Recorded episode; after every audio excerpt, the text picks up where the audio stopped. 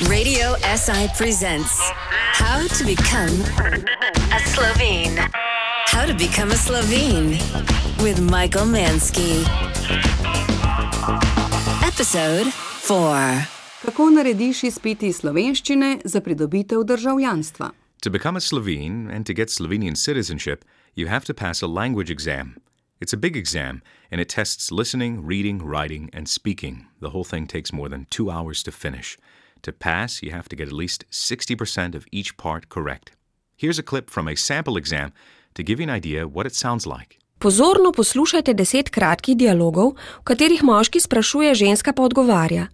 Vendar pa je samo eden od njenih treh odgovorov možen. Obkrožite črko, ki označuje najbolj verjetni odgovor, kot kaže primer. Kje lahko dobim znamke? A, Kako lepo. B, Zakaj pa ne?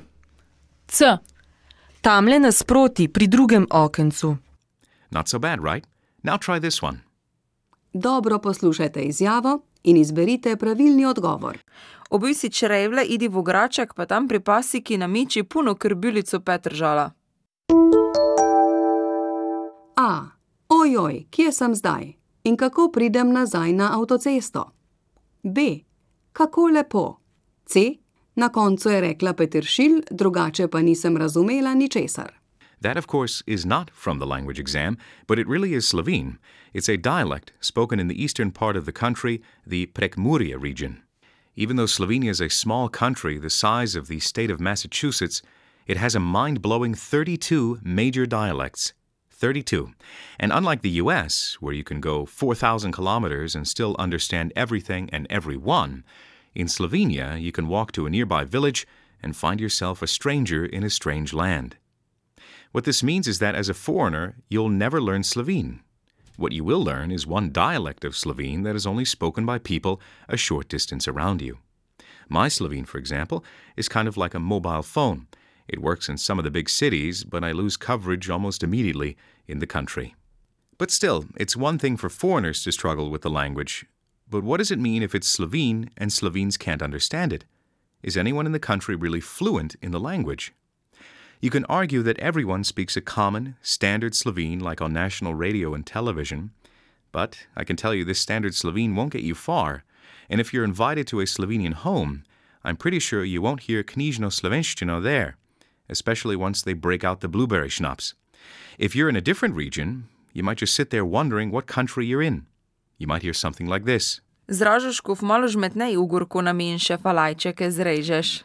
After 10 long years of learning Slovene, I can understand one word in that whole sentence malo. Okay, and the word at the end sounds a bit something like zrezati, which means to cut. So I would guess it means something something a little, something something something cut. So that's maybe 10% comprehension, or in test terms, enka. Shus, total failure.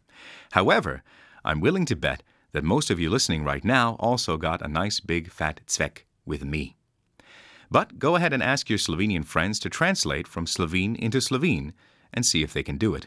Play them something like this Tej vankiš imajo preveč pirdža, pa me vsak še zajtru šinjek boli. and see how they do. In the end, it's kind of nice.